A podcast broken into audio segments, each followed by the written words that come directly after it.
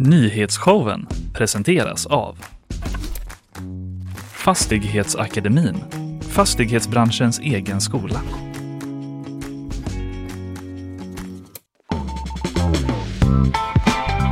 Harli hallå, det är nyhetsshowen 12 oktober, eh, torsdag ju Fanny Wijk, god morgon. God morgon! Du, idag ska jag prata om evakueringen av svenskar från Israel och Gaza. Ikväll ska man lyfta med ett plan från flygplatsen i Tel Aviv. Om allt går som det ska. Mm. Norge fick ställa in sitt plan, nämligen besked om det i natt. Eh, vad ska du prata om? Eh, ett eh, flaggbråk och en burgarkris. Flaggbråk och burgarkris och jag ska också prata lite om att eh, folk i Göteborg ska få tusen spänn eventuellt. Tackar. Tusen spänn heading your way eventuellt. Ja. Sen kommer Arne Larsson hit också, politikreporter på GPU. Eh, kär vän till programmet. Han har varit Verkligen. ute och rest nu, reportageserie och besökt EUs fattigaste respektive rikaste land. Mhm. Han har inte bara järnkoll på politiken i Sverige utan blickar även ut mot Europa ibland Arne. Vi ska snacka om det, om de här reportagen med honom och då får ni reda på också vilket som är eller EUs rikaste respektive fattigaste land. Ja, Hade man kanske inte koll på. cliffhanger. Eller hur? Sen bakvagn, glitterbrist slår hårt mot eh, tyska bögar och så om eh, tjuvarna som stal räddningstjänstens bensinkort. Och nu är det klart! Här är Sveriges godaste ketchup just nu. Mm. Du då? kan du konkurrera med den? Eh, ja, eh, Statens konstråd har tappat det, menar vissa. Mm. Eh, sen ska jag bara läsa högt ur en jätterolig debattartikel. Kanske inte lät så kul nu, men det kommer bli kul. Det låter underbart. Mm. Du, eh, lite uppdateringar från igår om det här med Sletta och Seinfeld. Ja, jag hörde ju att ni pratade om det du och eh, Andreas, vår vikarie. Han är ju från Slätta va? Min Mm. Ja. spaning är ju att det bara är killar och pick me girls som gillar Seinfeld. Mm. Hans spaning var ingen från Slätta eh, kommer förstå att det är kul liksom. Nej. De kommer bara Han gillar på. Family Guy. Jag vet Exakt. inte om det är två läger liksom. Men, eh, Nej, men vi har i alla fall fått in ett vittnesmål nu på vår Instagram. ja, Från så. Mm. John här. En lyssnare från Slätta skriver han själv. Från Fröjered. Svalt intresse för Seinfeld. Ja, Skriver han att han har. Vill ha fler vittnesmål. Det vill Vi vi, måste ha. ha åtminstone en till. Vi får en sån här liten karta. Nu har vi liksom, Slätta är liksom regionen. Fröjered, här vet vi. Här, Här är man vi inte och var nu Seinfeld-killar. Jonsson är ifrån. Ja, Det han borde vi veta. Skara typ. Nej, det är Hampus. det är. Hampus. Han måste vi kolla med också. En Ja. annan eh, redaktionsmedlem. Men om vi har fler lyssnare från Slätta, snälla eh, hör av er. mm. vi, Vad tycker ni om Seinfeld? Vi vill veta. Och varför? Varför hatar ni det så mycket där ute på slätten?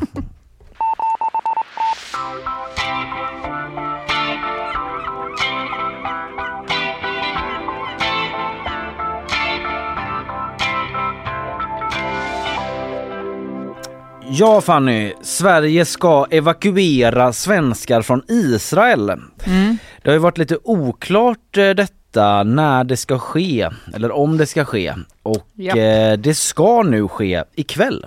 Jaha. Det berättade utrikesminister Tobias Billström igår kväll i Aktuellt. Och det här kommer då gå till på följande sätt att nu har vi då handlat upp eh, civil flygfart och vi kommer då kunna erbjuda eh, en möjlighet att imorgon kväll så kommer det då alltså eh, preliminärt att gå ett plan ifrån Ben Gurion flygplatsen utanför Tel Aviv och dit kommer då människor kunna anmäla sig till en svensk lista, ta sig till flygplatsen och sedan då kunna åka ut med det här planet.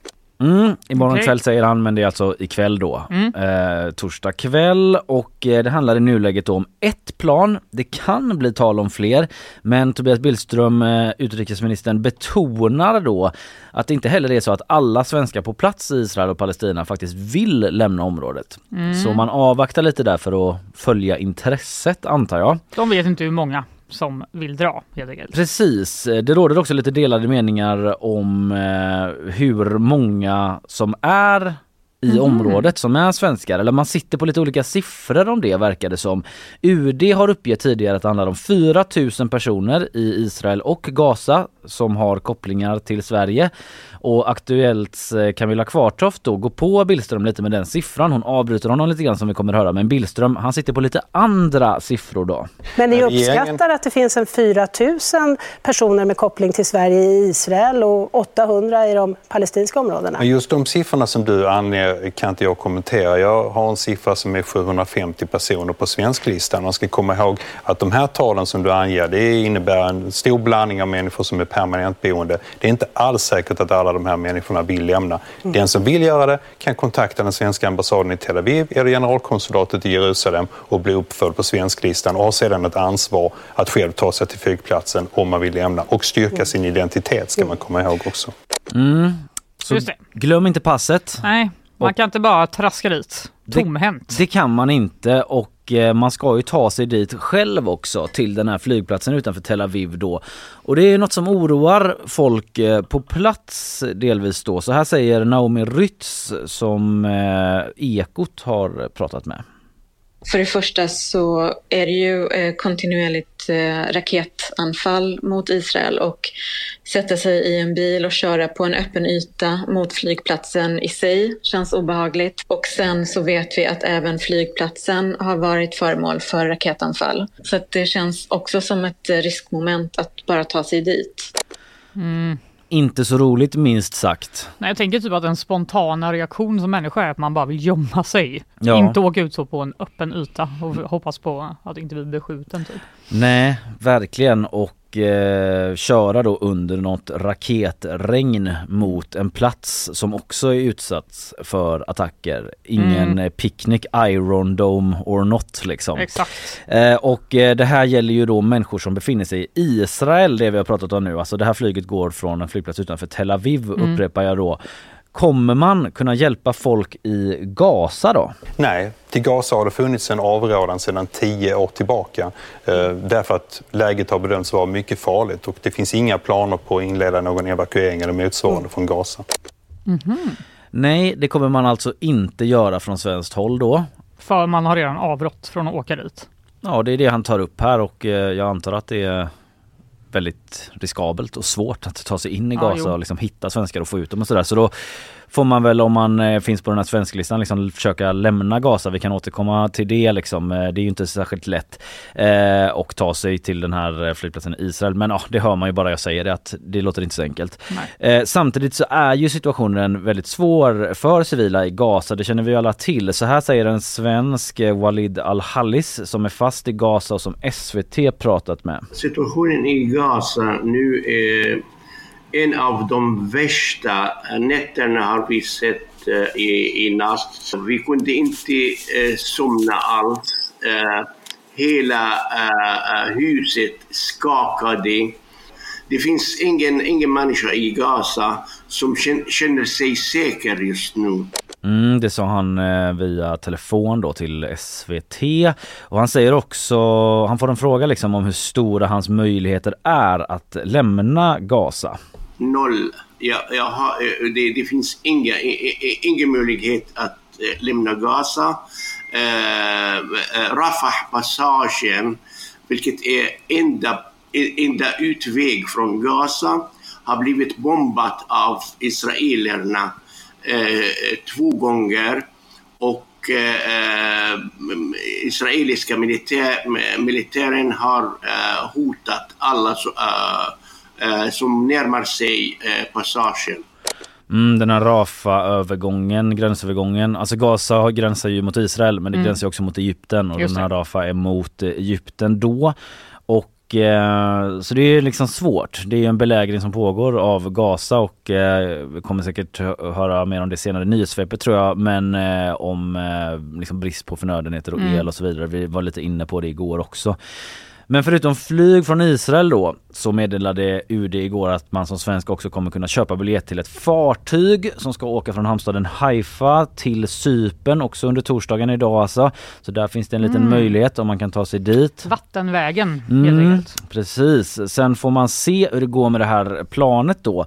Det som gäller är att det lyfter från Israel ikväll. Som sagt, eh, inget annat är sagt än det och jag ska liksom inte sprida något tvivel kring det. Men Nej. det jag menar är att norska UD, de meddelade, meddelade i natt natt alltså natten mot eh, torsdag idag, att man tvingats ställa in ett evakueringsplan som de skulle, eh, som skulle lyfta från Israel från norsk sida då just ikväll också. Mm. och det skulle transportera såväl norska som nordiska medborgare. Så det kan ju varit så att svenskar drabbats av det, det vet vi inte. Mm. men anledningen till att det ställdes in då det var att försäkringsbolaget som Norwegian har, det var ett mm. Norwegian-plan som skulle sköta den här evakueringen eh, och det är även andra flera bolag som har det här försäkringsbolaget. De täcker inte resor till Tel Aviv längre. Mm. Och eh, det uppger norska UD då som, en, som anledningen till att man nu letar efter alternativa lösningar som det heter. Mm. Och det har jag svårt att ens spekulera i vad det innebär men på något sätt så vill man ju få ett plan att lyfta därifrån i alla fall. Ja det är klart.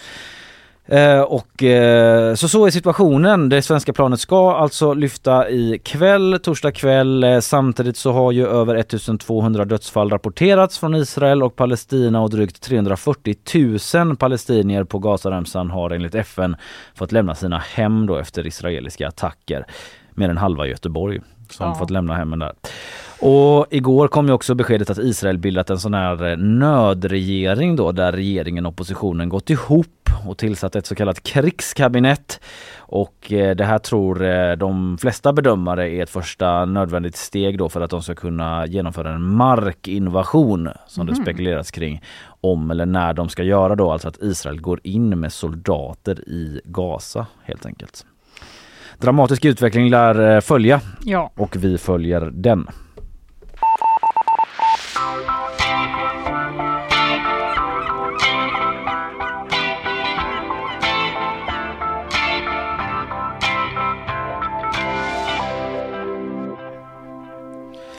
Från Israel och Palestina till eh, kommunfullmäktige. Ja. Men också lite Israel och Palestina. Med koppling till Israel och Palestina. Ja, för att det pågår ett eh, flaggbråk. Ett flaggbråk I Göteborg. Ja. Mm, jag har mm. sett rubrikerna. Ja, på vår sajt finns eh, dessa rubriker för det är nämligen då efter Hamas attack då mot Israel i helgen så skickade våra oppositionspartier MD, och KD mm. in ett litet förslag man ska hissa Israels flagga på Gustav Adolfs torg tyckte de under dagens då kommunfullmäktigemöte. Ja, jag har ju sett från Stockholm på Instagram sådär att de har på olika bussskyltar ja, och ställen på stan så har de haft Israels flagga och sådär. Ja, det tycker oppositionen att det ska vi ha eh, här i Göteborg. Men efter viss betänketid då så meddelade kommunfullmäktiges ordförande, socialdemokraten Aslan Akbas, att kommunfullmäktiges presidium, det vill säga han och eh, vice ordförande för fullmäktige, mm. de säger nej. Det strider mot Göteborgs flaggpolicy. Den gamla flaggpolicyn mm. har man mm. fått eh, plocka fram och konsultera. Mm. Och titta på. Om vi frångår praxis så kommer det bli samma problem nästa gång det kommer önskemål om att vi ska hissa en viss flagga, tycker han. Just det. Eh, och då Slutande undrar ju plan. du, vad mm. är Göteborgs flaggpolicy? Ja, det är inte så att jag, man kan väcka mig mitt i natten och att jag kan rabbla den. Nej, eh, den är inte så komplicerad men det finns rum för tolkning så mm, kan man mm, säga. Okay. Den säger att det ska flaggas på allmänna flaggdagar. Mm, där är jag med. Mm, mm, på paradstängerna, det är alltså de som är på Gustav Adolfs torg. Jag antar att de är extra höga. Vad heter det? Paradstängerna? Ja, ja. alltså flaggstängerna. Ja, ja, ja. Paradflaggstängerna. Ja, jag förstår. Jag förstår. Eh, på Gustav Adolfs torg där ska man flagga då dessutom vid nationella minoriteters nationaldagar och vissa andra särskilda tillfällen som Europadagen, grannländernas nationaldagar och officiella besök. Men man flaggar också på rekommendation av regeringen eller länsstyrelsen samt vid andra tillfällen enligt särskilda beslut. Okej, ja där finns ju en viss eh, tolkningsmöjlighet ja. Exakt, kanske är det det som, alltså detta kanske kan ses som ett sådant tillfälle då, i alla fall om du frågar oppositionen. Mm. Eh, Moderaternas gruppledare Axel Josefsson, han säger att för mig är det ganska självklart att vi ska stå upp för demokrati och visa vår av, avsky inför en terrororganisation. Hamas alltså. Exakt. Mm. Och även Elisabeth Lang som är kommunalråd för Kristdemokraterna säger att jag tycker att det hade varit en fin gest av Göteborgs stad eh, att uppmärksamma denna fasansfulla terrorattack och visa stöd, inte bara för Israel utan också för alla judar som är rädda och oroliga.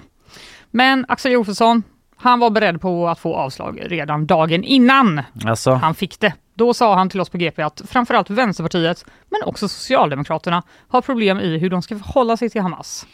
Ja just det, det är en mm. diskussion som pågår också där. Nooshi Dadgostar har ju fått eh, kritik internt Exakt. för att hon liksom inte nyanserade sitt ställningstagande utan de bara fördömde Hamas och inte liksom stod upp för civilbefolkningen i Palestina. Mm. Ja, det, är finns parallell även en bara, eh, men- riksdiskussion om detta. Ja, Eh, Men den här kritiken tycker Aslan Akbas att det har liksom inget med det att göra. Det finns inget försvar för det Hamas gör. Hamas är en terrororganisation som vi fördömer. Men det här handlar ju då om flaggpolicyn mm. Inte om eh, liksom själva den organisationen. Och även kommunstyrelsens ordförande Jonas Attenius är väldigt tydlig här i GP om vad, att Socialdemokraterna inte har några problem i hur de ska förhålla sig till Hamas. nej. Vi, jag vill vara tydlig med att vi hatar Hamas. Mm. Och vi hatar alla andra terrororganisationer. Och jag har inte några problem med att säga det högt. Nej, Nej, det hör vi det. Ja. Ja, eller hur? Jag kräver att Axel Josefsson ber om ursäkt för det här uttalandet. Det är oanständigt och helt gränslöst och jag blir faktiskt riktigt förbannad när, när jag läser det här. Oj då, det var starka reaktioner från Jonas Attenius. Ja. Nu blir det bråk, Mm. helt enkelt.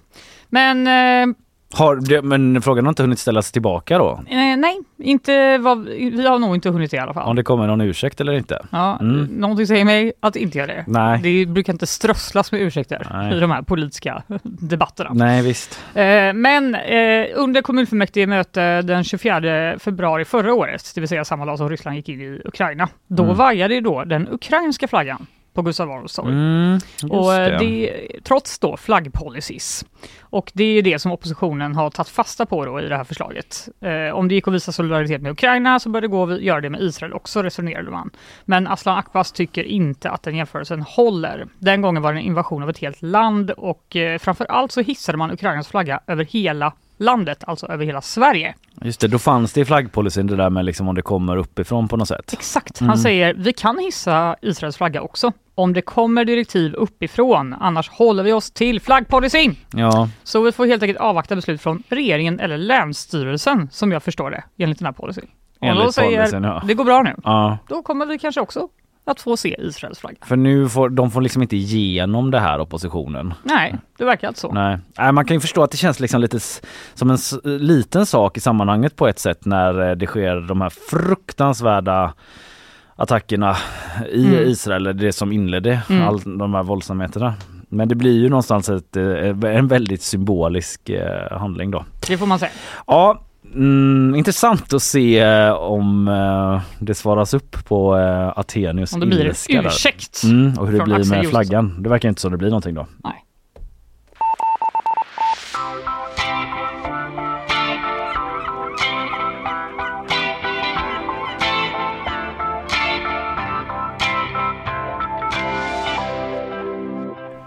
Tusen spänn! Det ska vi snacka om snart. Och eh, burgarkrisen Mm. i eh, Göteborg. Men först sponsorer. Nyhetsshowen presenteras av Fastighetsakademin, fastighetsbranschens egen skola.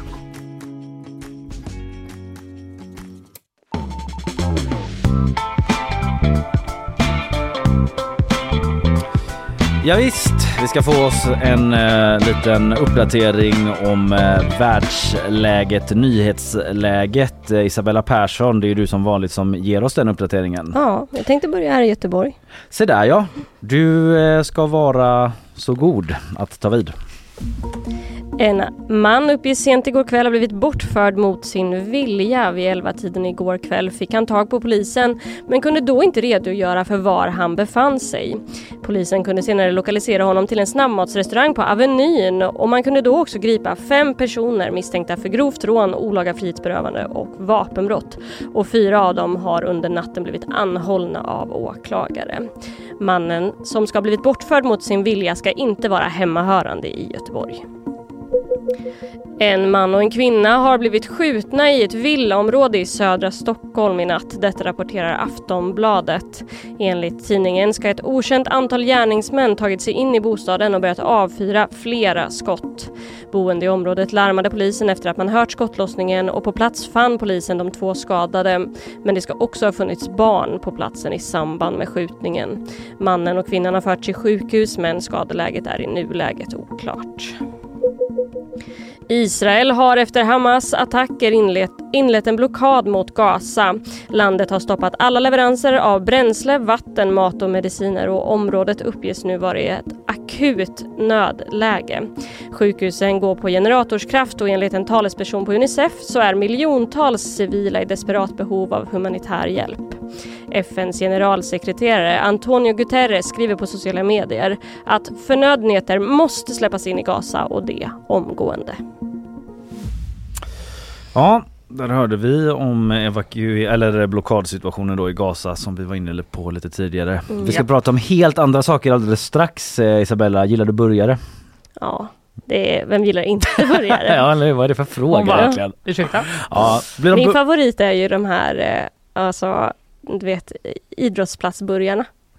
Det här när man står på, i, på en sån fotbollsplan. Ja. Så det bara är liksom slafsigt och det är stora hinkar med så dressing. Men tänker du typ Ullevi eller tänker du liksom mer småskaligt? Nej, mer småskaligt. Ja. Du vet så. Jag, jag vet inte om den här burgarkrisen har drabbat den typen av Okej, verksamhet. vad skönt ja, för mig. det tror jag du kan eh, andas ut Ja. eh, faktiskt. Men det är däremot andra som Det är eh, premiumburgarna. premiumburgare. är det. Det är de som åker på det. Men först om ytterligare en annan sak. Tack Isabella så länge.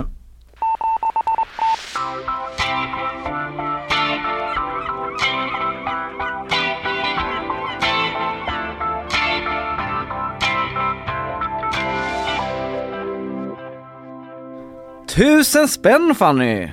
Ja! Hade inte det varit lite tack! gött? Vet du hur gött det Ja, hade det varit? hade rasslat in Fattar tusen Jag är spänn. så pank denna månaden. Vad skulle du gjort om du fick tusen spänn? Spara Typ till köpt ladorna? mat. Ja, varför inte? Det är väl eh, det bland annat som det rödgröna styret här i stan hoppas att eh, folk eh, ska göra med de här pengarna. De lägger väl sig inte i det Nej. för att de är sossar men så my- mycket individuell frihet ska väl folk få bara, ha. jaha, vad drar du kortet på nu då? Ja, nej men så här då. Det är det rödgröna styret här i stan som tycker att folk som tjänar mindre än 25 000 kronor ska få extra lön. Lönepåslag alltså med 1000 kronor. Mhm. Och med folk så menar jag kommunanställda. Fan. Mm, det är de ja. som berörs. Och eh, det här är utöver det vanliga lönepåslaget då. Mhm. Så utöver den vanliga liksom, eh, löneförhandlingen som sker varje år så ska man få 1000 extra kronor. Det här är i alla fall om, eh, det är ett förslag alltså som man har lagt från det rödgröna styret och som finns med i deras budget då. Eh, som ju presenteras på tisdag. Mm. Kan vi typ avslöja från nyhetsshowen? Breaking news! Om någon där ute undrade när kommer budgeten? Mm. Det är vi väldigt intresserade av men vi fick reda på det igår faktiskt att eh, det var planerat till lite senare men på tisdag då så ska man presentera budgeten och det börjar sippra ut lite nyheter eh, från den då, olika förslag.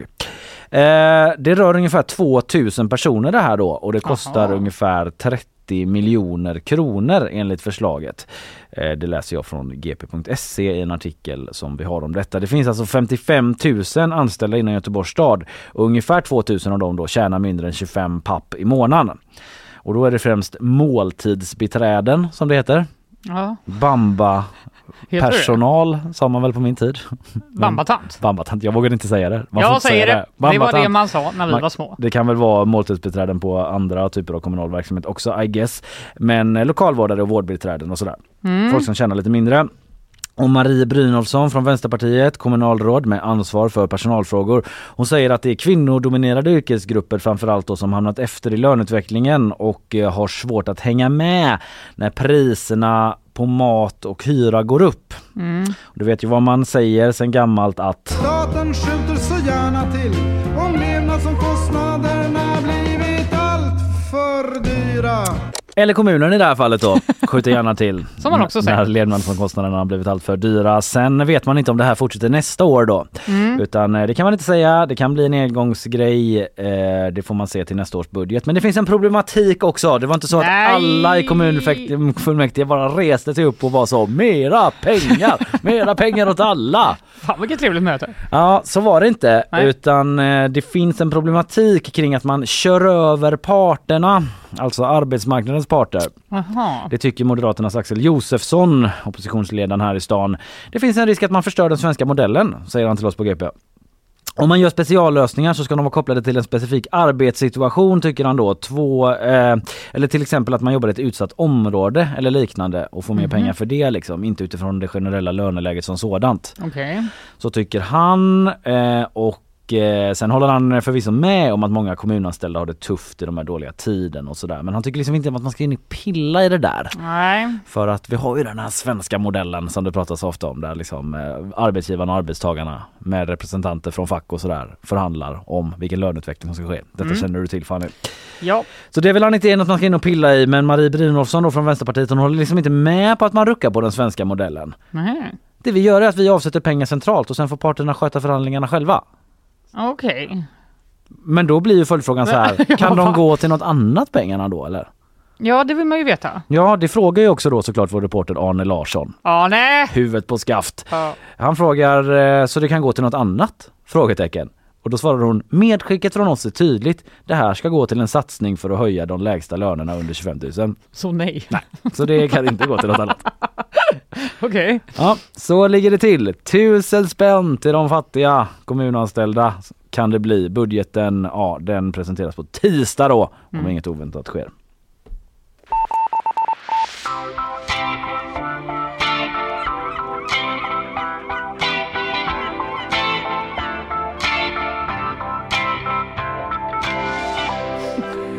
Ja, Ja, Kalle. började. Minns du en tid när det ploppade upp premiumburgarställen överallt i hela stan? Ja, jag minns det. Ja, den tiden var typ 2010 så det är faktiskt jävligt länge sedan. Ja, då bodde jag inte här men... Nej, men eh, jag tänker eller jo, att, det eh, gjorde jag ju, herregud. Det gjorde jag ju verkligen. Ja. Men den har fortsatt kontinuerligt den här burgarutvecklingen under många år tänker jag. Ja, den har det. Men eh, det var ju många av oss som bara vallfärdade ut som små får i stan Ja. för att köpa kött från Dalsjöfors och tryffelmajonnäs och smashburgers. Och... Ja men det var ju inte bara här, alltså jag eh, har en kompis eh, som pluggade i Kalmar och det var det jag höll på att babbla om här under den korta bumpen men att han, han, när han kom hem från Kalmar så hade han en grej som han brukade säga för att äv- även den här utvecklingen hade skett i Kalmar och då gick folk runt i Kalmar och sa Fy fan vad det hade varit gott med en burgare och det är väldigt roligt att säga burgare med Kalmar burgare. burgare. Det Ja. går typ inte. Det går typ inte nej. Men det var säkert eh, lite senare då. Kanske 2015. Ja, något sånt. Roast of Kalmar. I alla fall. Eh, den här backlashen är i alla fall här nu. Det tog, det tog tills nu, men nu är den här. Marknaden för premiumburgare har blivit övermättad. Det Fan. läser jag på g.se. Fan, säger du. Man trodde ju nästan inte det skulle kunna hä- Eller så här, hade det inte skett redan för tre år sedan Nej, så hur? tänkte man alltså, ja, ja det finns väl ett oändligt sug efter burgare. Ja, alltså det har ju känts som det. Men Mm. nu visar det sig att i vår lilla stad så har hamburgerhaken försatts i rekonstruktion. De har gått i konkurs eller helt enkelt minskat sina intäkter på löpande band. Det har vi rapporterat om flera gånger tidigare på, eh, i vår tidning. Och eh, till exempel har bolaget som driver då varumärket Tugg som har Jaha. två restauranger i Göteborg. Men också kedjor som Babas och Phils. Mm. Det här är alltså tre ställen jag aldrig hört talas om. Men de har i alla fall eh, försatts i konkurs. Nej, i rekonstruktion, förlåt. Och även Djureskogs Mm. har lämnat sina lokaler här borta vid Gamla Ullevi då eftersom det kom för lite gäster helt enkelt. Ja, det måste ju vara eh, i kombination med eh, pandemi och eh, ekonomisk läge och sådär förstås. Så kan det nog vara. Jag ska också säga att jag gick, jag går den vägen hem varje dag och jag noterade igår att det är ett splitternytt börjarställe som har öppnat i Djureskogs lokaler och det ligger också en Max precis bredvid. Ja. Så så mycket hatar vi inte burgare då. Det finns fortfarande en väldigt tro på konceptet burgare. Ja, det kan man säga. Man har inte övergett det totalt. Nej, men ett av Göteborgs första då premiumburgarställen var ju Burgerson på Skanstorget. Ja. Och Björn Jansson då som är en av grundarna bakom, han berättar för vår reporter Joel Arvidsson att affärerna till en början, de gick strålande Kalle. Ja. Det gick så bra. Men efter pandemi, inflation, Mm. lågkonjunktur och den väldigt hårda då konkurrensen Ja. eh, som kom med alla de här tusen andra hamburgerställena så har det blivit lite svårare med den saken. Det har skett en överbelastning av utbudet och med alla de här större kedjorna som Tuggbrödernas Bustard Burgers som öppnar överallt. Eh, och deras taktik är att öppna många ställen, menar då eh, Björn Jansson. Mm. Eh, att det är inget konstigt med det, men det har lett till en minskad försäljning för oss. Ja, jo. Eh, jo. Marknaden. Marknaden. At work. Exakt, han säger också att eh, det är svårt för deras gäster nu att prioritera det här eftersom alla har det lite tufft Just det. i den här ekonomin. Ja just det, och prioritera burgare i det läget. Exakt. Den är tuff. Och det visar sig också, Kalle, att under 2010-talet så var det inte bara vi som sprang och köpte burgare, det var också eh, riskkapitalet som sprang dit och sa ta våra pengar. De två största kedjorna i Sverige, Bastard Burgers och Brödernas, de har tagit in riskkapital till en värdering på omkring en miljard kronor Wow, för att kunna öppna supermånga restauranger enligt Breakit i alla fall. det blir väldigt många börjar. Ja, det blir väldigt många burgare, Mm. men det visar sig att det var inte riktigt lönsamt då i slutändan och det eh, har helt enkelt påverkat branschen. Det menar också Andreas Andersson som har grundat Diné Burgers. Fattar du hur många ställen det Ja, finns? ja Jag visst, det är helt otroligt. Ja, här på västkusten. Han säger att någonstans måste man få in lönsamhet också om det ska bli hållbart. Så man kan inte bara pumpa in massa riskkapital. Då Nej. blir det så här. Då blir det så här. Här är det någon som har läst företagsekonomi. Japp, japp, japp. Ja. Och han tror också att de här renodlade burgarrestaurangerna inom premiumsegmentet kommer att minska för konkurrensen har gjort marknaden för svår. Men Finns det en öppning för riktiga jävla pissburgare då? Som inte är premium? Ja, men så här, Billiga eh, sketburgare. Joel Arvidsson då, vår reporter på ekonomi, han har helt enkelt ringt till måltidsforskaren och måltidshistorikern Rickard Tellström Ja. och sagt Hallå, vad tror du om det här egentligen? Vad, vad är det för anledningar? Mm. Han tror att det är att hamburgaren har inte lyckats förnya sig själv. Alltså det tycker jag de försöker håller på med hela tiden på Ja. de här burgarställena. Jag tycker också det, men, eh, Chipotle-slungad ja, men det är väl att lågrev. det har inte hänt tillräckligt mycket på, på 13 år. Nej, jag Alltså förstår, utan det är typ så här, de, de förnyade sig själva 2010 och Ja, just bara kolla vi har våra fina pommes. Det är Och fortfarande Chipotle liksom. Mm. Exakt. Han säger också att hamburgaren är inte längre prisvärd för konsumenten.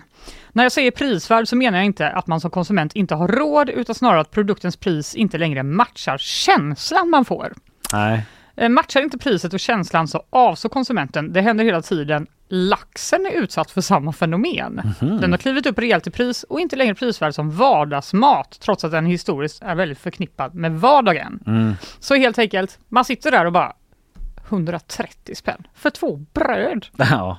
Nej, men det kan man ju ändå relatera till. Ja, jag vet! Att- att man är så här, nej, alltså det tycker inte jag betala längre. Nej. Det kan jag göra hemma istället. Nej. Jag skiter i det här. Ja. Men tur då, Kalle, ja. att vi på showen, vi har ju redan utsett nästa it-grej när det kommer till mat.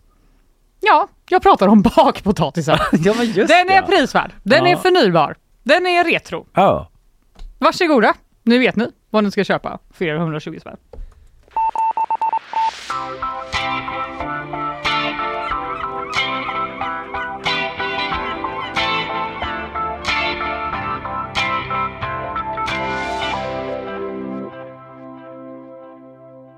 Vi eh, ska få gäst om en liten stund. Det är Arne Larsson, vår politikreporter här på GP. Han har inte bara blicken på svensk och eh, regional och kommunalpolitik utan han blickar även ut mot Europa. Ja, vi har alltså redan haft två texter av Arne idag. Ah, Han är så himla han, representerad. han är produktiv. Han har alltså skrivit om flaggbråket och om tusen kronor till alla Just det. Och han har också varit ute och rest till Europas rikaste respektive fattigaste land. Mm. Eller EUs i alla fall. Mm. Och eh, vi ska prata med honom om den här reportageserien eh, om en liten stund. Först så kommer ett sponsormeddelande. Nyhetsshowen presenteras av Fastighetsakademin, fastighetsbranschens egen skola. Nyhetsshowen heter eh, det här programmet som sänder live från GP-huset och du heter ju Fanny Wik ju. Ja, Och Kalle Berg heter jag och eh, nu har vi fått in dagens gäst i studion. Vi frågar oss hur blev Luxemburg ett land för superrika och varför ligger Rumänien så långt efter? Ja, i en serie reportage så skildrar ju eh, GP varför länderna utvecklats som de gjort och hur det är att leva då i EUs fattigaste respektive rikaste land. Och den som har rest runt i Europa och besökt de här två länderna det är ju du Arne Larsson. God morgon, välkommen. Tack, tack. Där har du mikrofonen också. Du, eh, hela den här idén, hur kom du på det?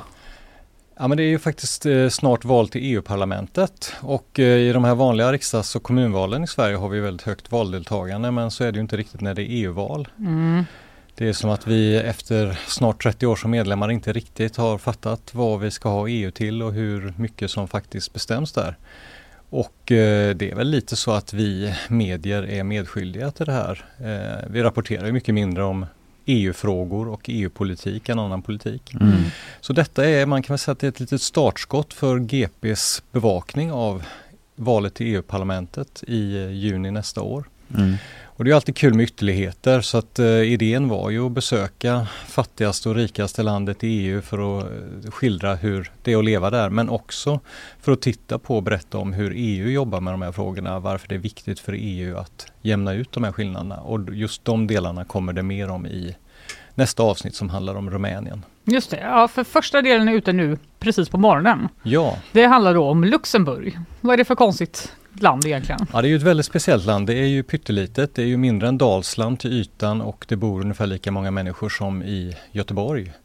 Men Ja. ändå så hanterar de eh, ja, men typ hälften av alla fondpengar i hela Europa eller allt som placeras i en viss typ av fonder i hela Europa i det här pyttelilla landet. Speglar sig det i gatubilden liksom att man kommer ner dit och det bara är wow. Ja, jag hade ju inte varit i Luxemburg innan så jag var ju lite nyfiken just på de aspekterna och det man kan säga är väl att det, det är inte sådär vräklyxigt utan det känns ju som ett ganska mysigt och avslappnat land. Sen är det ju stora sådana här bankpalats eh, Mm. ganska tätt med sådana in i innerstan och i en lite nyare stadsdel som de har byggt upp. Men det, det, det stora intrycket är nog annars att det känns ganska behagligt och avslappnat och vi pratade ju med några sådana här svenskar som jobbar i fondbranschen och det som hade gjort att de hade valt att bosätta sig där permanent det var ju just det här de sa att det, det är mycket jobb, man jobbar säkert mer än vi gjorde hemma men det är en väldigt skön och avslappnad atmosfär om man jämför med Stockholm så att de, de Mhm. gillade det av det skälet. Och bara en sån liten sak som när vi var ute och gjorde en enkät på stan som man ju som journalist gör ibland. Man Mm. dyker på främmande människor och frågar om de vill vara med och svara Mm. på någon fråga. Det kan ju gå lite olika bra det där men i Luxemburg så sa alla ja och det var inte bara det att de eh, gärna ville vara med, de, de var verkligen tillmötesgående och trevliga. Jaha. Så att vi, vi var lite så här, eh, det, det var något vi tog med oss att gud vad det var mysigt här. Vad alla Ett litet hyggliga. medskick till göteborgarna. Ja. Om du ser Arne Larsson på precis. Drottningtorget en fredag Dels- eftermiddag. Ja men Ja. dels det då men också sådär att man kanske ska åka till Luxemburg och försöka se och lära. Jaha, just det. Men det kanske, de var lite sugna på att prata om hur eh, trevligt det var där helt enkelt. Ja, ja men det var Lite också lite skryt. andra saker vi frågade om som kommer i senare reportage. Eh, Mm. Okej. Men det är också att många av de som bor i Luxemburg inte är luxemburgare. Det är Nej, många som precis. kommer dit och jobbar. Det var ju också något som var väldigt påtagligt i det här reportaget var vi till exempel på en liten tyngdlyftarklubb och eh, en vanlig måndagkväll där då stötte vi på någon svensk, någon finländare, någon grek, någon portugis, Mm. några vanliga luxemburgare eh, som förvisso då kanske någon var född i Belgien och, och sen lite fransmän. Så att det var, och så ser det ju ut, alltså i själva huvudstaden där det bor 160 000 människor så är sju av tio icke-luxemburgare. Mhm. Så att det är ju väldigt, väldigt mycket och det är ju präglat av att banker och finansinstitut från hela världen har stora kontor där och att det är mycket EU-människor. Mm. Just det. Eh, det är ju så att EUs revisionsrätt, en av EU-domstolarna och eh, Europeiska investeringsbanken och lite andra saker finns i Luxemburg. Så att eh, den Men här den svensken ty- till exempel vi träffade i Lyftarklubben, han var ju EU-tjänsteman och greken som vi träffade jobbar på revisionsrätten och så vidare. Mm. Men är det bara sådana supermänniskor som bor i Luxemburg då? Då måste du kunna prata eh, luxemburgianska, franska, tyska, engelska och jobba Ja, på... alltså vi, vi pratade ju till exempel med vice statsministern en stund och han eh, beskrev det ju så att alla som har gått i skolan här, de kan ju tyska och franska, luxemburgiska och engelska. Vilket ju gör att de har ju ganska stora möjligheter att välja vilket universitet som helst nästan i Europa som Ja. de vill plugga vidare på. Så det ger ju såklart ett försprång. Eh, och han menar ju att just det här geografiska läget mellan Tyskland och Frankrike också har gjort att ja, men det är något de har haft nytta av. Dels för att få nyckelpositioner i EU men också kunna vara en länk mellan de här stora mäktiga länderna och liksom tolka vad de egentligen vill i olika lägen. Mm. Hur låter luxemburgska? Är det liksom mer tyska eller franska? Ja, det kan man ju säga. Är det någon blandning? Nej, men det, det är ju en tysk dialekt kan man säga med Ja. lite franska låneord. Aha. Så fick jag det förklarat för mig i alla fall. Ja, men jag har, en god Jag har förklaring. inte gått eh, liksom ända på djupet med källorna här kan vi säga. Jag ska inte be dig härma. Nej, tack, härma det. tack. Men eh, okej, men det är EUs rikaste land när det kommer till BNB, eh, BNP och så är Luxemburg till och med trea i hela världen då. Bara skatteparadisen Monaco och Liechtenstein har högre BNP. Liksom hur hamnade de där? Mm. Ja, men från början var de ju tidigt ute när världen industrialiserades. De hade järnmalmsfyndigheter och hade en ganska stark stålindustri. Men fattades ganska snabbt att det här kommer inte räcka för evigt och då började de bygga upp det här bankväsendet. Mm. Och precis som de här andra eh, småländerna så var det ju ett skatteparadis från början där man kunde gömma pengar så att skattemyndigheterna i ens hemland inte visste att man hade ett konto i Luxemburg. Det där har ju gradvis försvunnit eftersom de har varit med i EU ända sedan starten och EU inte har varit helt positiv till det här att man ska då kunna Gör man pengar? gömma pengar. Mm. Eh, så att då har de istället blivit experter på det här med fonder och ja, den, den- fondsektorn lär vara större än den här private banking-sektorn idag. Eh, alltså, Vad är fondsektorn liksom? ja men det är ju när du eller jag eller någon sparar i fonder så, så kan man då eh, till exempel en av de här fondförvaltarna vi träffade jobbar på Söderberg och Partners som är en svensk fondförvaltare Mm. men som råkar ha eh, sitt säte där i Luxemburg för att man menar att det, det finns fördelar för att det finns så mycket expertis. Mm. Mm. Så bra Lätt att boka möten. synergieffekter på något sätt. Så Men alltså min fördom mot, eh, mot Luxemburg är ju att det är ett skatteparadis nu med. Men Mm, då mm. är det inte riktigt så längre då. Alltså det har väl klingat av och eh, det finns ju sådär EU-rapporter som är fem, åtta år gamla där man fortfarande pra- pratar om detta som ett problem men samtidigt är det ju något som man har jobbat med för att få bort och det, det har, har ju mycket med terroristbekämpning att göra nu för tiden det här att Mhm. eh, transparensen måste bli större. Just det. Så det har den väl blivit också då. Mm. Mm. Men sen tog du ditt pick och pack då och reste 185 mil eh, till eh, det fattigaste landet i EU, nämligen Rumänien. Mm. Eh, liksom spontana Ja, diskrepanskänslor när du kliver av Till att börja med så, så gäller det att hålla tungan rätt i mun här för att det är de, de har lägst löner så att folket är väl per definition fattigast. Då. Däremot som land betraktat så är Bulgariens liksom lite lite lägre BNP per Okej. capita. Mm. Eh, Så vi inte liksom i, i onödan upprör någon rumän här. Nej jag förstår. Ja, men det är bra nu. Men ändå en stor skillnad mot Luxemburg. Det kan man säga. Eh, det är ju så att i Rumänien så eh, är snittlönerna någonstans eh, 4800 euro i, om året. Alltså, ja, nå- Ja. Det, det är inte jättemycket pengar och det är nästan tio gånger så mycket i Luxemburg. Mm. 42 000 någonstans drygt. Eh, så att det är jättestora skillnader. Eh, sen är det också väldigt stora skillnader inom det här landet. Det finns, för det, för det som ju är påtagligt är att Rumänien har ändå haft en fantastisk utveckling sedan de blev medlemmar i EU. När De- var det? Det var 2007. Mm.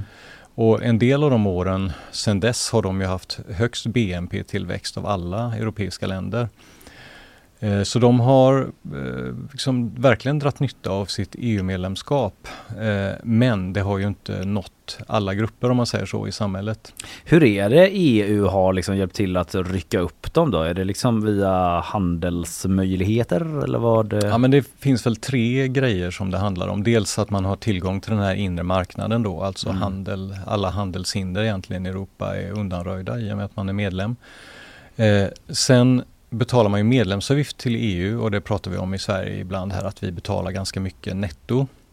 Eh, länder som är fattiga, de, för dem är det ju tvärtom, de får pengar, alltså de betalar en medlemsavgift men får Mhm. tillbaka då det som rikare länder betalar extra. Mm. Så det är faktiska bidrag.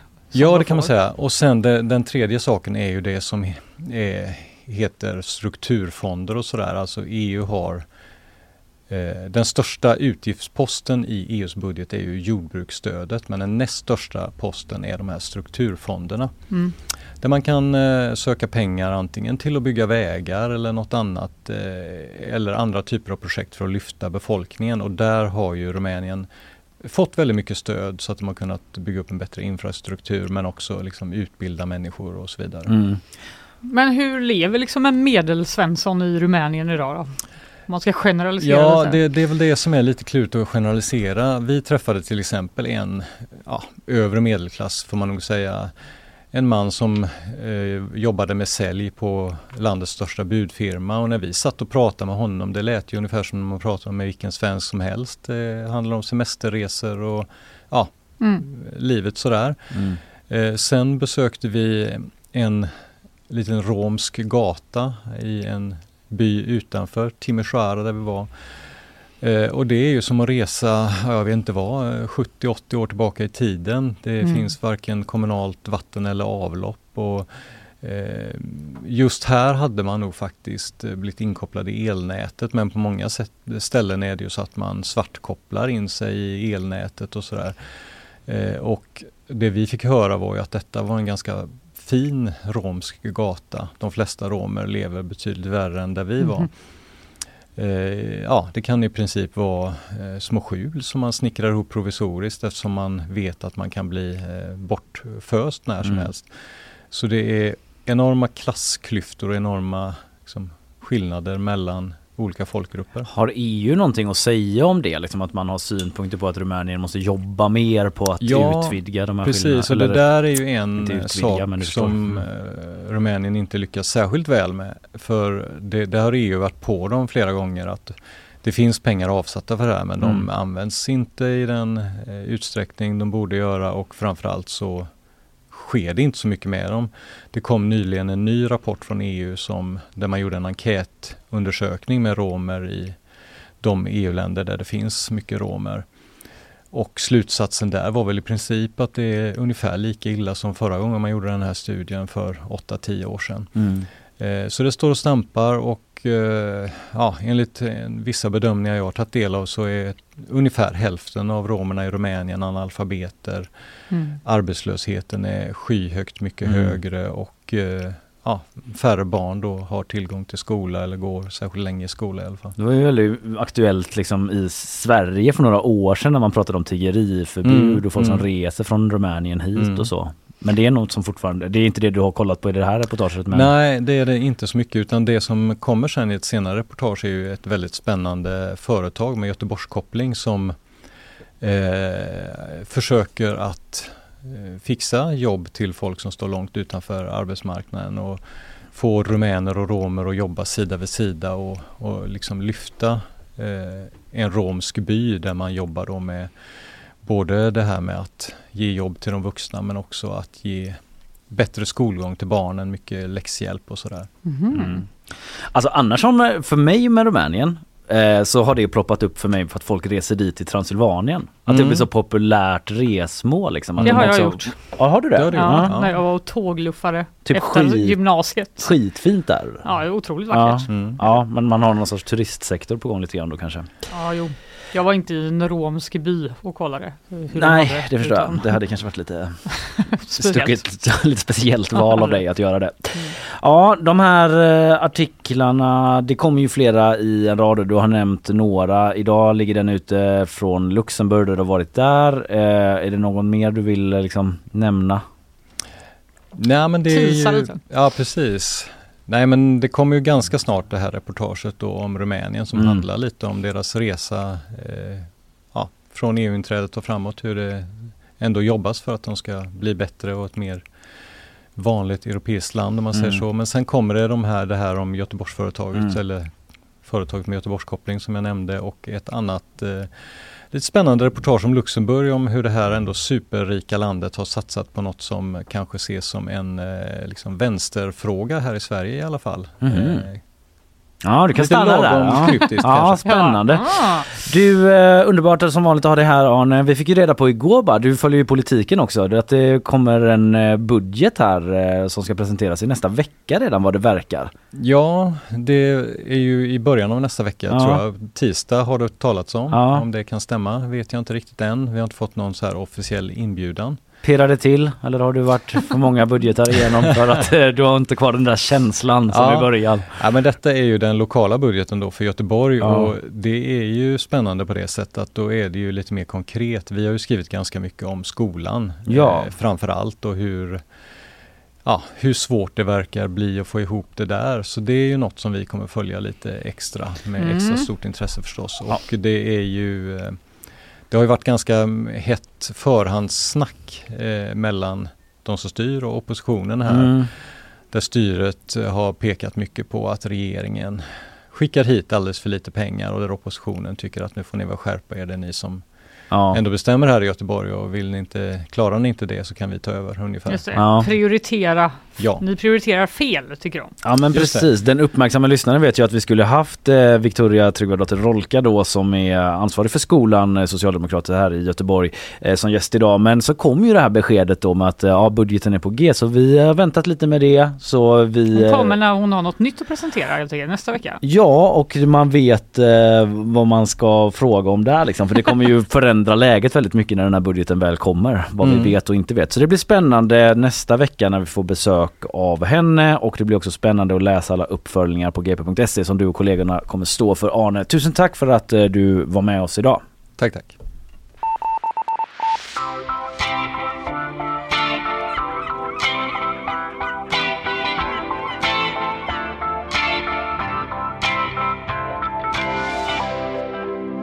Ja men spännande vecka nästa då med den kommunala budgeten. Det är liksom en ny... Pirrade till eh, hos dig? Ja men jag är liksom ny på den här resan. Om Arne har gjort det i många år så har jag liksom flyttat hem då, liksom börjat fördjupa mig lite mer. Börjat bry dig om Göteborg igen. Ja men precis, i alla fall på den där liksom kommunalbudgetnivån. Det kan jag väl erkänna att jag inte var djupdykt i den lika mycket när jag Satt där i Årsta och precis söder om söder. Då liksom ringde jag inte upp Arne Larsson privat bara för att få en liten dragning. det var ju skönt för honom. Jag ska erkänna det. Men eh, nu däremot pirrade till. Ja. Ska jag säga. Eh, det pirrade också lite till eh, eftersom jag vet att vi snart får en nyhetsuppdatering från Isabella ju. Men innan det, sponsorer. Nyhetsshowen presenteras av Fastighetsakademin, fastighetsbranschens egen skola.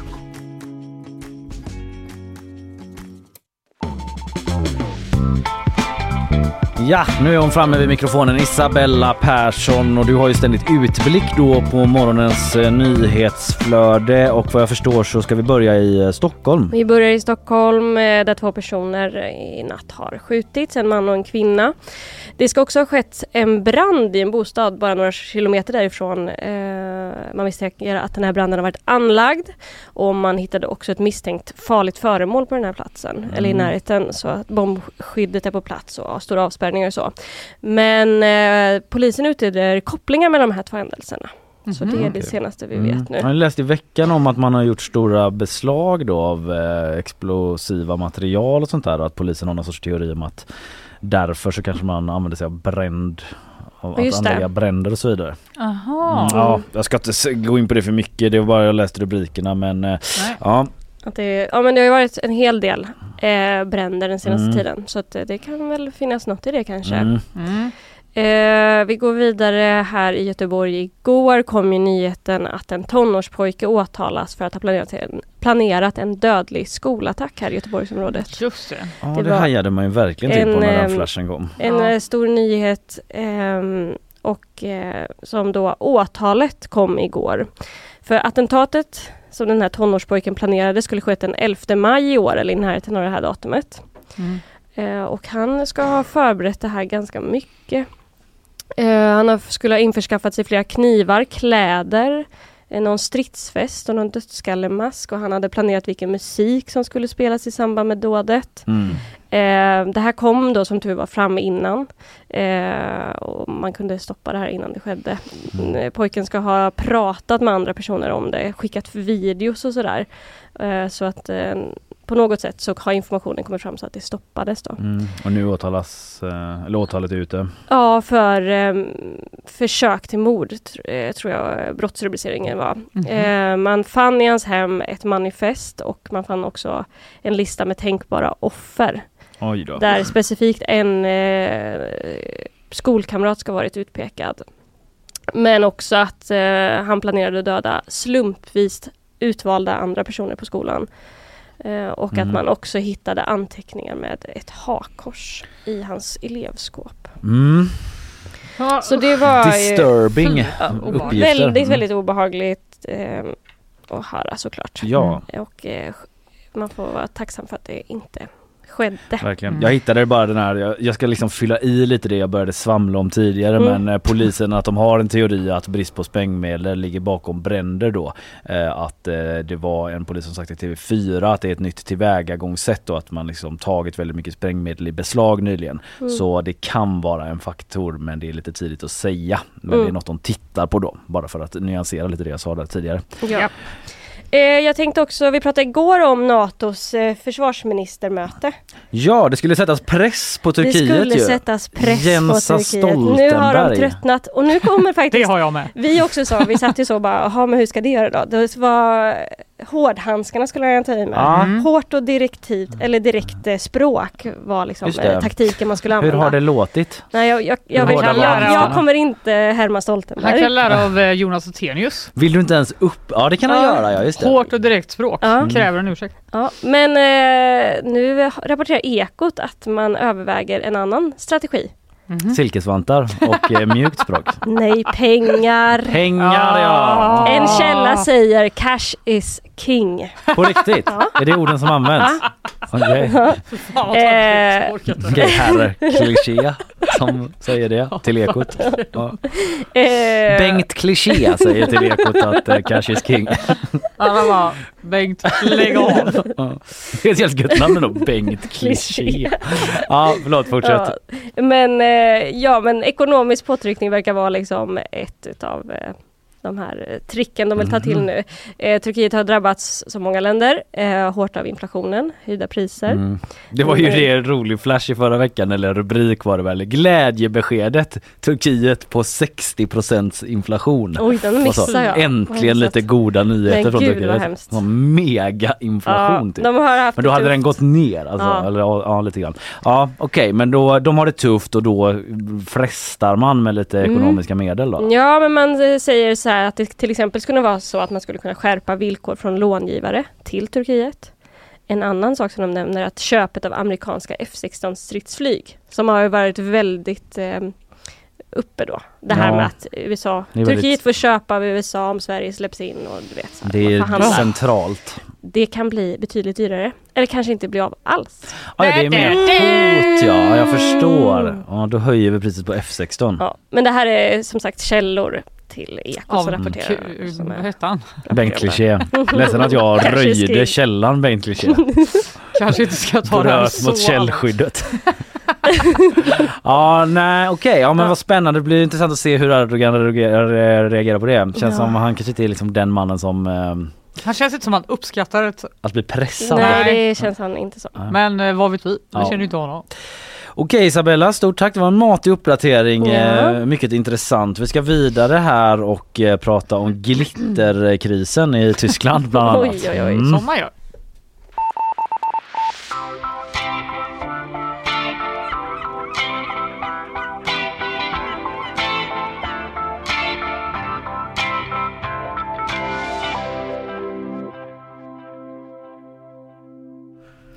Statens konstråd har tappat det. De har tappat det. Ja, det menar i alla fall eh, en person som heter Dennis. Okej. det snart. Jag bara tog ner min egen grej direkt. Uh, vad är det för, Nej, men det eh, här- de blir tokiga råd eller? Ja, men så här är det. Eller det är inte så konstrådet funkar att Det är de sitter och det ger råd. Nej, Det de har gjort, det här är ju en myndighet då va. Eh, men det de har gjort är att de har satsat 300 000 kronor på NFT-konst. Åh, nej, de hängde på det tåget. Japp, detta rapporterar SVT Kulturnytt eh, och du minns NFT, alltså Non-Fungible Token. Ja, Det fortfarande lite svårt även om det var kanske typ så hundra olika medier som gjorde hundra olika inslag där de försökte förklara exakt vad det var. Exakt, men det man gör är att man köper ett ägarbevis till ett digitalt konstverk med hjälp av typ krypto. Tackar, tackar. Ja, och då Mm. får du äga en bit av det då och det var ju väldigt trendigt förra året, i alla fall inom en viss liten värld, konstvärlden. Ja, även IFK Göteborg satsade ju på det lite grann. Va? Ja, de hade lite sånt eh, på gång. Ja, men Mm. idag så har det visat sig att de här digitala ägarbevisen har rasat i värde.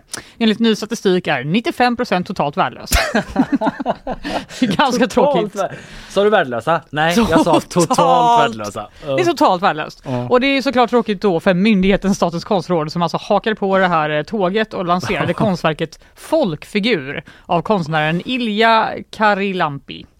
Ja.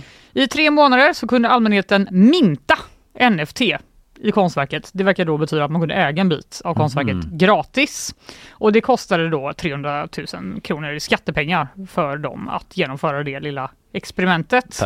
Eh, något de försvarar när SVT Mm. ringer upp. Det var pe- ett pedagogiskt projekt som sprider kunskap om vad NFT är, vilket vi i och sig verkar behöva då, Ja, både du och jag. Och vad det gör och hur den digitala sfären påverkar hela samhället. Och Mm. det ställer också frågor om ägandeskapet. Vad samlar vi och varför? Det Mm. säger Edi Muka som är kurator på Statens konstråd. Ja. ja, men konsten måste ställa frågor. Japp, så är det med det. Det var också ett pedagogiskt projekt. Det var ju liksom Mm. eh, inte bara att de tyckte det var ett fint eh, digitalt konstverk, utan det var också liksom Mm. för att lära oss medborgare någonting. Men det var också totalt värdelöst. I alla fall till 95 procent. Rent ekonomiskt. Någon annan som tyckte det var då SVTs egna konstkritiker Dennis Dahlqvist. Du vet han med liksom krulligt hår som har varit där forever. Ja men nej, typ att jag inte vet. Men säkert, du Det- har bättre koll på det mig. Han men- har varit där forever, typ sen innan jag föddes känns det som. Mm. I alla fall, statliga myndigheter och institutioner ska inte blåsa på olika hypes. Konstrådet behöver tagga ner och tänka på vad de håller på med. Försöker göra lite seriösa projekt tycker han och säger då att de har tappat det! Ja, Eh, Edi Muka säger att eh, ja, han, de har haft en brist inom myndigheten på just digitala konstprojekt. Mm. Jag tänker inte tagga ner. Nej. och han har, menar att de har i uppdrag att spegla samtiden i offentliga rummet bla, bla, bla, bla, bla, och att ibland gör de lite experimentella eh, projekt. Men vad jag tar med mig från det här mest är ju Dennis Dahlqvist lite old school debattteknik med ord som hypes, tagga ner och tappa det. I don't know man, men eh, någon Vän- kanske vänner- hajade till.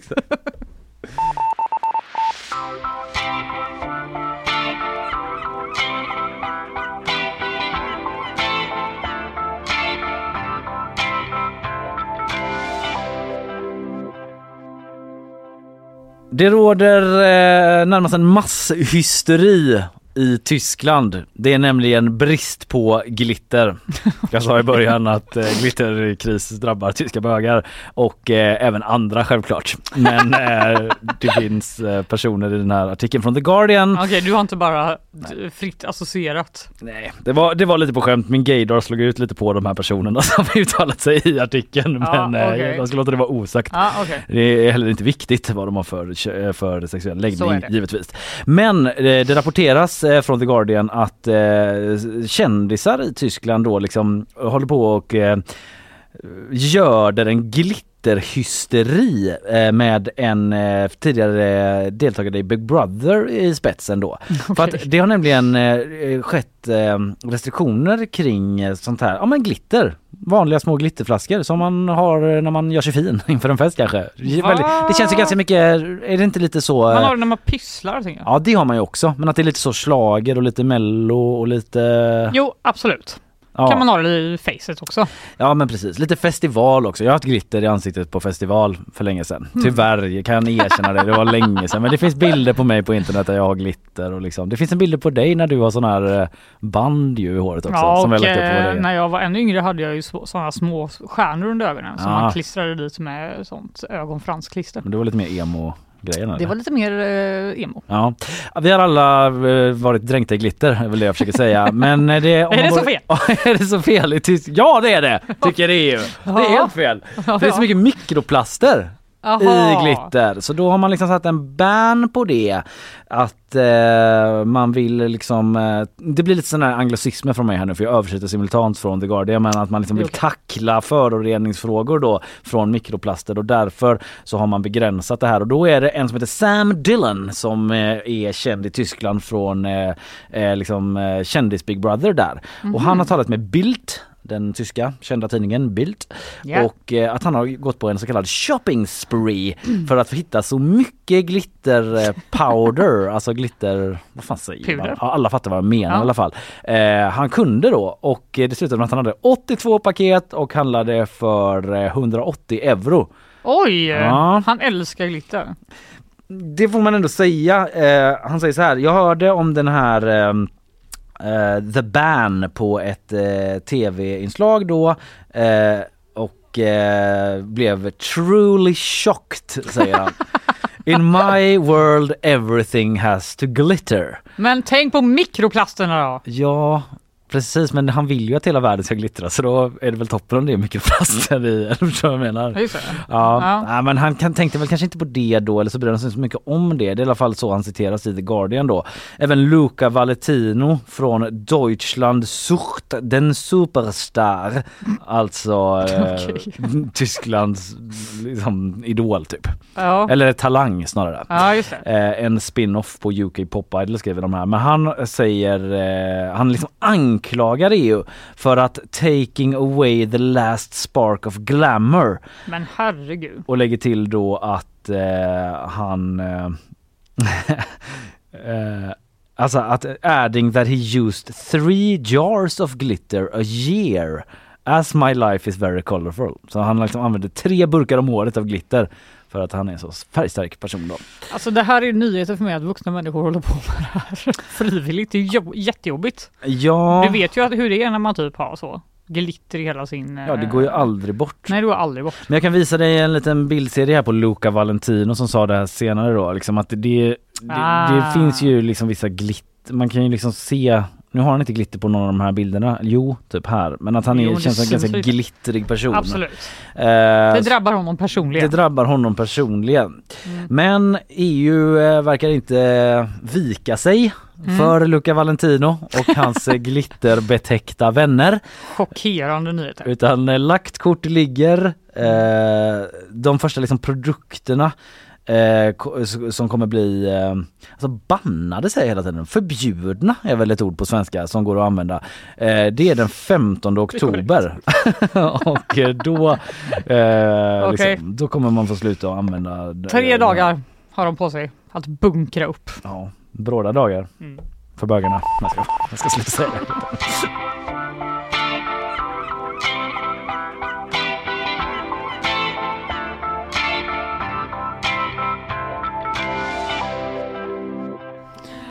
Igår satt jag i godan ro, läste nyheter på g.se som jag gör hela dagarna. Ja, det är ditt jobb Hela mer eller mindre. Ja. Dagarna, kvällarna, nätterna numera också kanske. Det har ju hänt.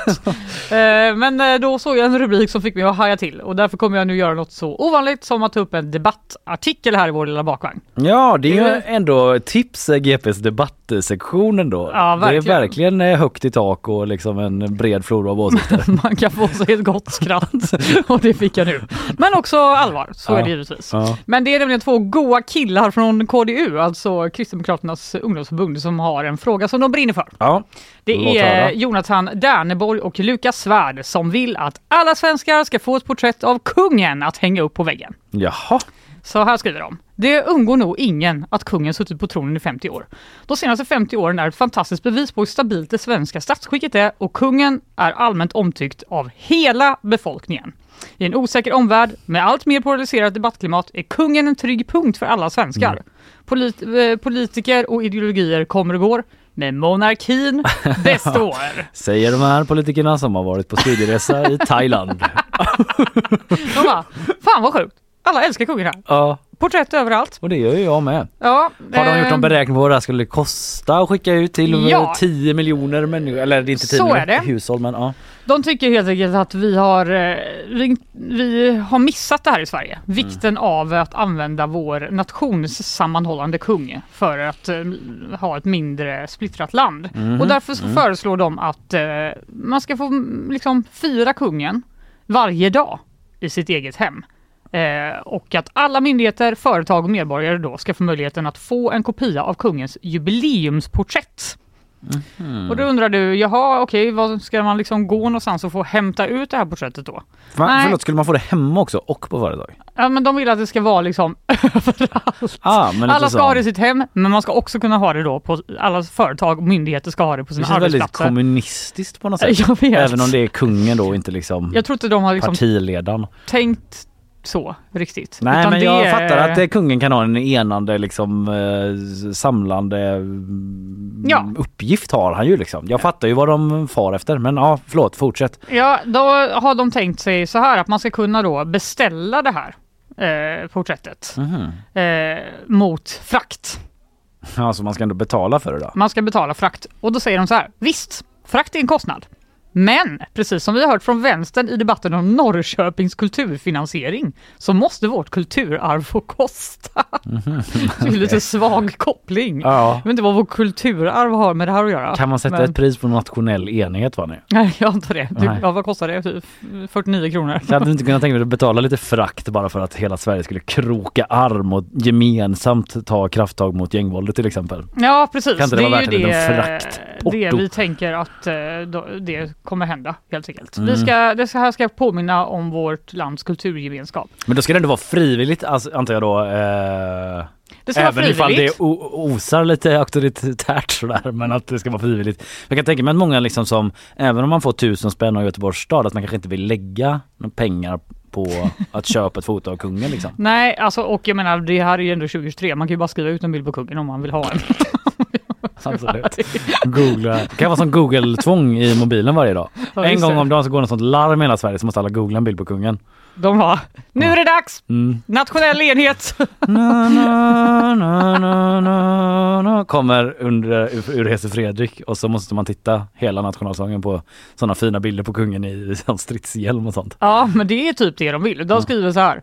Eh, låt varje kommun och myndighet ha tillgång till, till monarkens bild för att påminna om vårt lands ku- kulturgemenskap. Låt varje butiksägare ha möjlighet att sätta upp ett porträtt av kungen bredvid sina pantautomater. Så att vi som medborgare kan inspireras av kungens gärning för klimatet. de har verkligen tänkt till. Ja, Och så slutar de med, vore det inte trevligt att se vår kung oftare? Ja well. Det är svårt att säga, det känns så himla taskigt att säga nej till det. Eller? Men det är inte som att jag inte har sett honom så mycket Jag det tycker vi senaste. ser dem jämt. Hela tiden. Ja, jag vet inte. Mm. Eh, mitt tips till dem är så här, håll inte på. Folk kan bara skriva ut en bild på honom om de vill ha en bild på honom. Sämre debattartikel. Vi tycker att KDUs hållning är att alla ska skriva ut en bild på kungen. De kan ha honom som bakgrund på mobilen. Ja, så när man ti- känner sig lite så sorgsen över någon hemsk nyhet, man bara... Och känner vad då? Om någon känner sig Gemenskap! är liksom engagerad i detta kan man ju höra av sig till GPs eh, insändardebattsida då och gå i svaromål. Ja, det kanske finns andra människor man tycker att man borde ha ett porträtt på hemma. Ja. För nationens enighet.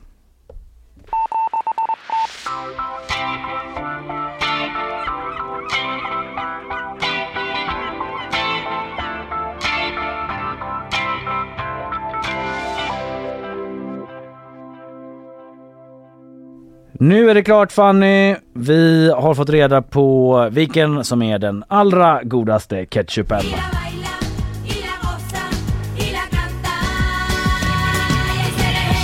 Ja visst är det testpanelen som har varit igång igen på gp.se. Vilket jobb de gör. Ja, visst, jag vet inte om de lyssnade på Las Ketchup eh, och eh, The Ketchup Song när de testade ett brett utbud av olika ketchup. Mm. Eller? Eh, Niklas Bäckström. Ketchupar. Ketchupar. Jag vet inte. Sveriges godaste ketchup är i alla fall utsedd eh, och eh, kan bara informera om att eh, den här låten från Las Ketchup eh, från början hette Acer... Acer... As, Acereche och betyder ett spel men den översattes när den skulle släppas i England till The Ketchup Song. Så att alla skulle förstå. Och den kommer ju från eh, Las Ketchups debutalbum Hijas del Tomate, vilket är helt sant, som kom 2002 då. Det var ju den här dansen du vet, du kommer ihåg ja, ja, ja. hur man nu gjorde det. Var lite så hip hip the hop, the hip Jag kommer mest ihåg den här början. Ja. Hipp eller Jag vet hopp. inte om de sjunger om ketchup, men de heter ju Las Ketchup i alla fall. Nåväl! Segraren har en ettrig och bra smak säger eh, konsumentpanelens eh, Susanne Selin om själva segraren då. Mhm. De har gett sig ut eh, GP här och testat eh, ett gäng olika ketchup och i vanlig ordning satt betyg och eh, i botten eh, om vi börjar därifrån så hittar vi ICA Basic. Jaha. som får en fyr. Aj, aj, aj, aj, Det är ju trist att basic-sortimentet då inte ska smaka gott. Det trodde man ju kanske att man skulle kunna Ja, tjäna en basic. hacka och ändå leva gott. Ja, men det finns inga genvägar till Nej. den godaste ketchupen. Det verkar så. Den eh, är mjölig i smaken, saknar Mm. tomatsmak och det är ändå en bärande del när det gäller ketchup. Vad smakar den då?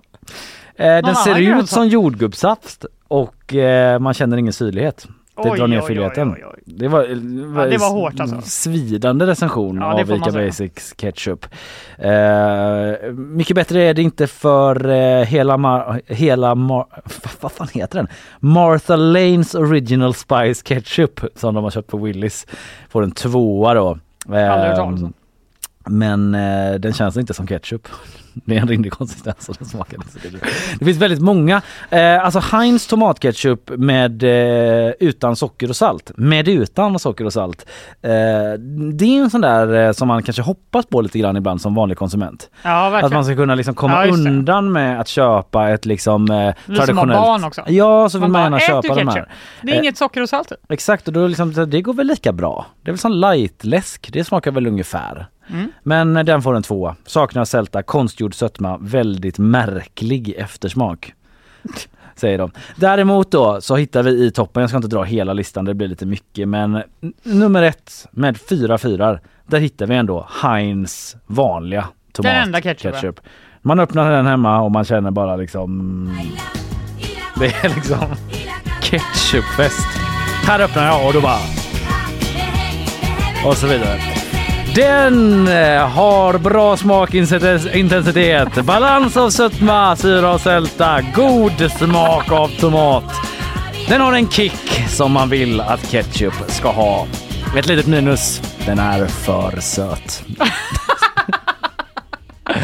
Det kan man ändå känna när man äter Heinz tomatketchup att det här är inte bra för mig alltså. Äh, Men eh, visst är det gott. det är gott. Men visst gör det ont när Nej. drömmar krasas. Jag visste ju att den är söt. Men skulle slutat lite tidigare kanske.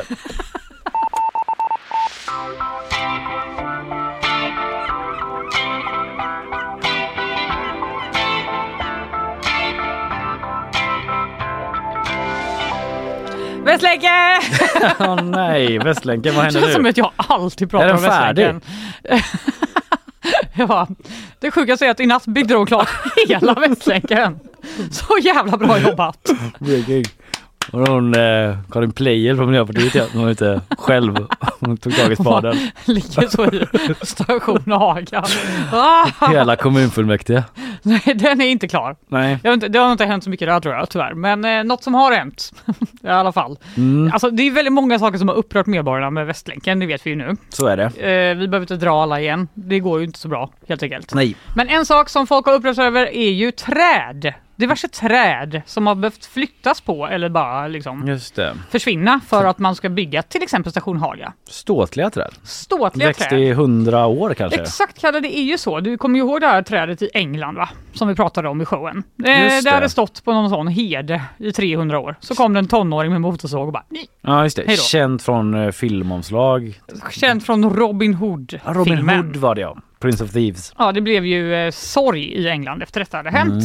Och nu visar det sig att då, Vä- eh, Trafikverkets kontrakt för Västlänken säger att eh, det svenska företaget NCC och det tyska bolaget Weiss och Freitag kan kvittera ut en god summa på 3,5 miljoner i bonus om de räddar fem stycken träd som då hotas av Västlänken. Okej, så att om de, in, om, de, om de sparar fem träd. Då får de 3,5 miljoner kronor extra utöver det arbetet som de redan gör då. då. Det är ju mycket pengar men det är också lite pengar med tanke på vad de tjänar NCC antar jag på att bygga hela jävla Västlänken. Ja, det är ju så här då att de här träden, de verkar stå i skogen ovanför en tunnel som ska byggas då vid Liseberg. Det här säger, rapporterar SVT Väst. Mm. Och den här då, hela entreprenaden vid Korsvägen, som de här trädbonusen ligger under, alltså själva det kontraktet. Det Mhm. har redan gått, dratt över med 2 miljarder kronor. Det har blivit 2 Ja. miljarder kronor dyrare. Men det är ju de sammanhangen jag tänker på att 3,5 miljoner inte är så mycket då. Exakt. Det är inte så att man eh, hämtar in hela det. Nej, så Nej. att de har ju helt enkelt valt att den här trädklausulen, den, den blir kvar. Ja, Eh, och eh, det mest värdefulla trädet kan de få 1,1 miljon kronor i bonus om de, Mm. bara ett enda träd. Wow. Om de räddar det här företaget. Och SVT Väst de har såklart varit ute i den här skogen och inspekterat Mm. de här värdefulla träden tillsammans med Mira Andersson eh, Ovuka som är miljöansvarig för Västlänken på Trafikverket. Och reporten, han tittar på träden och så ställer han ändå lite frågor till henne om eh, varför de här bonusarna finns. Men varför ska de få bonusar för det? 3 450 000 kronor för fem träd. Kan man inte bara säga att vi vill att ni sparar de här träden? Alltså det kan man ju ändå tycka va? Ja precis. Alltså varför säger, det är ju Trafikverket, det är ju deras uppdragsgivare, så varför säger de inte bara så här? Eh, I uppdraget Mm. så ingår att ni ska spara de här träden. Ja, men det är som att man Det skulle bestämmer anlita hantverkare hemma bara. Och så har jag en liten bonus till er. Ni får 100, eller så här, 10 000 extra om ni inte blåser ut hela jävla köket. Om ni inte förstör hela min Ja, lägenhet. precis. ni en Borra inte in i stammarna här bakom. Då finns det en liten lunch till er som jag bjuder på. Exakt. Men eh, Mira Andersson Woka då, vad säger hon om det? Varför har de de här bonusarna? Det är ju de här träden som är väldigt nära som vi själva har varit extremt osäkra på om det överhuvudtaget går att bevara.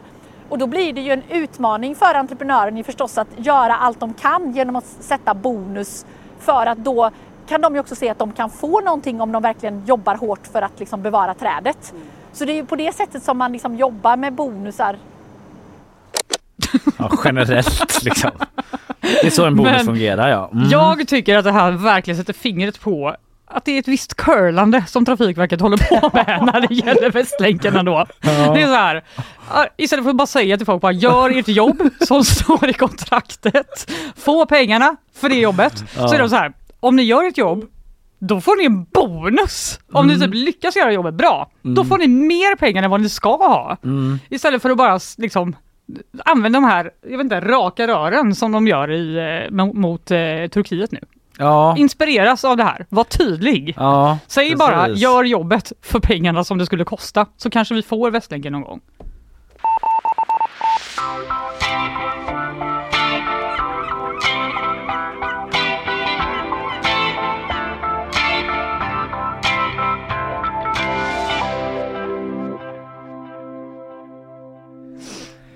Det är inte Hallå? alltid så billigt att tanka bilen Fanny.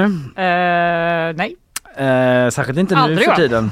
det är Och- aldrig billigt. Det är aldrig billigt men särskilt inte nu. Eh, hur mycket mm, subventioner man än eh, vill införa från regeringens håll. Mm. Jag vet inte om det var det som pressade tjuvar i Jokkmokk att eh, bryta sig in i brandkårens lokaler och sno ett eh, betalkort de har där Oj, oj. för att eh, betala bensin.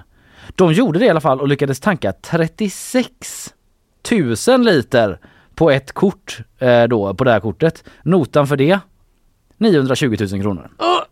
Och Oh my god. jag vet inte riktigt hur ekonomin i Jokkmokk ser ut och brandkåren och sådär men det är väl liksom inte, det är väl ganska allmänt känt att eh, alltså jag vet inte, det finns inte brandstationer på varenda ort i hela Nej, det gör det ju Det är inte. ganska mycket pengar. Det är ju liksom nästan ett eh, västlänksträd. Ja, 920 000 där. inte riktigt men. Nej, men tankkortet det förvarades i alla fall, jag läste från eh, Dagens Nyheter, eh, tillsammans med koden i en av bilarna. Nej! Ja, den var dock parkerad inne i brandstationen eh, när eh, tjuven, eller tjuvarna, skred till verket och den omständigheten förbryllar Patrik Sundberg står det. Han är avdelningschef på kommunen. Lokalerna, lokalerna har absolut varit låsta säger han till eh, DN. Vi har taggsystem men vi kan inte se någon åverkan. Det är inte dyrkat. Det är ett inside job! Jag vet inte, vi vet inte men det är något som är skumt i alla fall. Det var Norrmedia som var först med att rapportera om det här ska jag säga också. Och ehm, eh, det är ett ganska kort tidsfönster här liksom. De använde det första september, räddningspersonalen själva. Och eh, den första tjuvtankningen skedde fyra dagar senare, den 5 september. Och eh, det gick sen en månad då när den första chockfakturan kom på drygt 700 000. Ugh. Ja, och eh, sen tickade det på ytterligare då till 920. Hur reagerade du? Frågar eh, DN den här Patrik Sundberg. Ja, man blir ju riktigt förbannad, både bedrövad och arg. Det kan man ju fatta. Eh, och eh, de har valt ut eh, mackar då, de här tjuvarna, för att eh, inte bli upptäckta. Typ att de har åkt såna automatmackar som är obemannade och så. Aha. Så att de inte ska riskera att någon bara Vad är det där för betalkort? Det där ser ut som brandstationens betalkort i mina ögon. Vaksam. Alltså du med en liten lapp och kollar på koden samtidigt som du Precis, slår in. det är nog misstänksamt. Ja. Nu ska de gå igenom alla rutiner då och eh, till exempelvis lägga in en maxkredit på korten. Okej. Så att man inte kan tanka för 700 000 på en månad. Nej alltså det låter ju klokt. Men och kanske också inte ha koden Mm. bara bredvid kortet. Mm. Det också. Det är ju lätt att vara efterklok va? Mm. Men med facit i hand säger Patrik Sundberg så måste vi se över våra rutiner, rutiner över hela kommunen faktiskt. Eh, när det uppstår en Mhm. sån här dålig situation. Det ska inte kunna hända. Sånt. Nej, alltså jag lider lite med dem. Det ska ändå sägas. Inget roligt. Nej. Música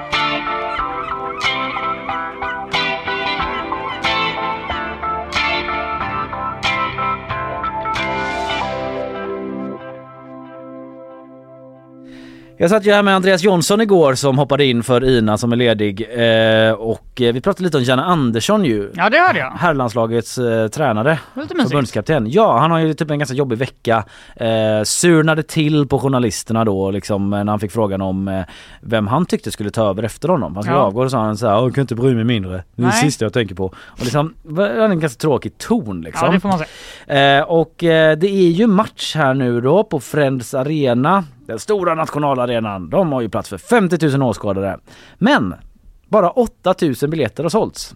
Oj! Och eh, det är tråkigt säger Jesper Karlsson. Men eh, gud! En av spelarna i laget. Ja det går väldigt, det är liksom det går inget bra. Vad, förlåt vad är det för match? Ja det är ju eh, EM-kval. Eh, och eh, Sverige, blir nästan lite osäker på om det är eh, EM-kval så det inte är någon jäkla träningsmatch här.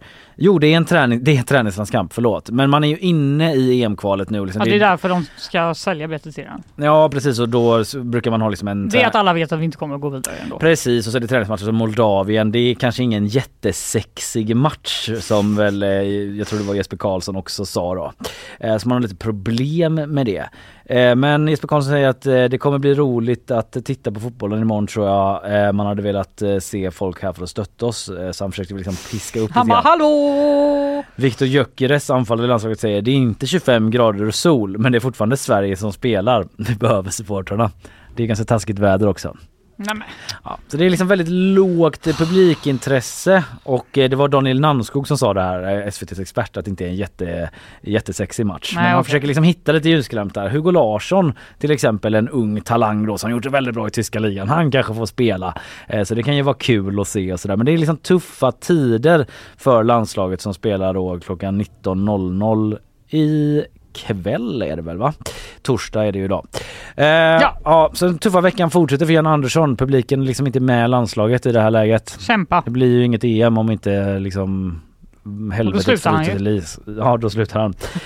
Så en liten uppdatering kring det bara. Fanny! Yeah! Annars idag har ju du pratat om burgarkrisen bland annat. Japp, nu blir det inte så många premiumburgare mer. Övermättat. RIP, det stora utbudet av premiumburgare. Så är det. Jag har pratat om tusen spänn. Det ska kommunanställda som tjänar under 25 lök få om de rödgröna får som de vill i Göteborg. Mm. Sen har vi också pratat om Israel-Palestina. Det ska ju ske en evakuering av svenskar med ett plan som ska lyfta ikväll från en flygplats utanför Tel Aviv. Vi får se hur många som eh, kommer med det planet och om det lyfter som det ska. Osäkert läge. Och så är det flaggbråk i Göteborg på tal om Israel. Mm, det blir ingen eh, flagga. Ingen eh, israelisk flagga som Nej. vajar. Vad vi tror. Precis, delade åsikter om det i kommunfullmäktige. Enligt vår flaggpolicy så blir det inte så. Så är det sen Arne Larsson här också pratade om sin reportageserie där han har besökt EUs fattigaste respektive rikaste land ju. Ja. Så var det med det. Också om eh, Sveriges godaste ketchup har vi pratat. Mm. Men eh, nu sätter vi punkt och eh, så säger vi på återhörande tillbaka imorgon. Hörs imorgon.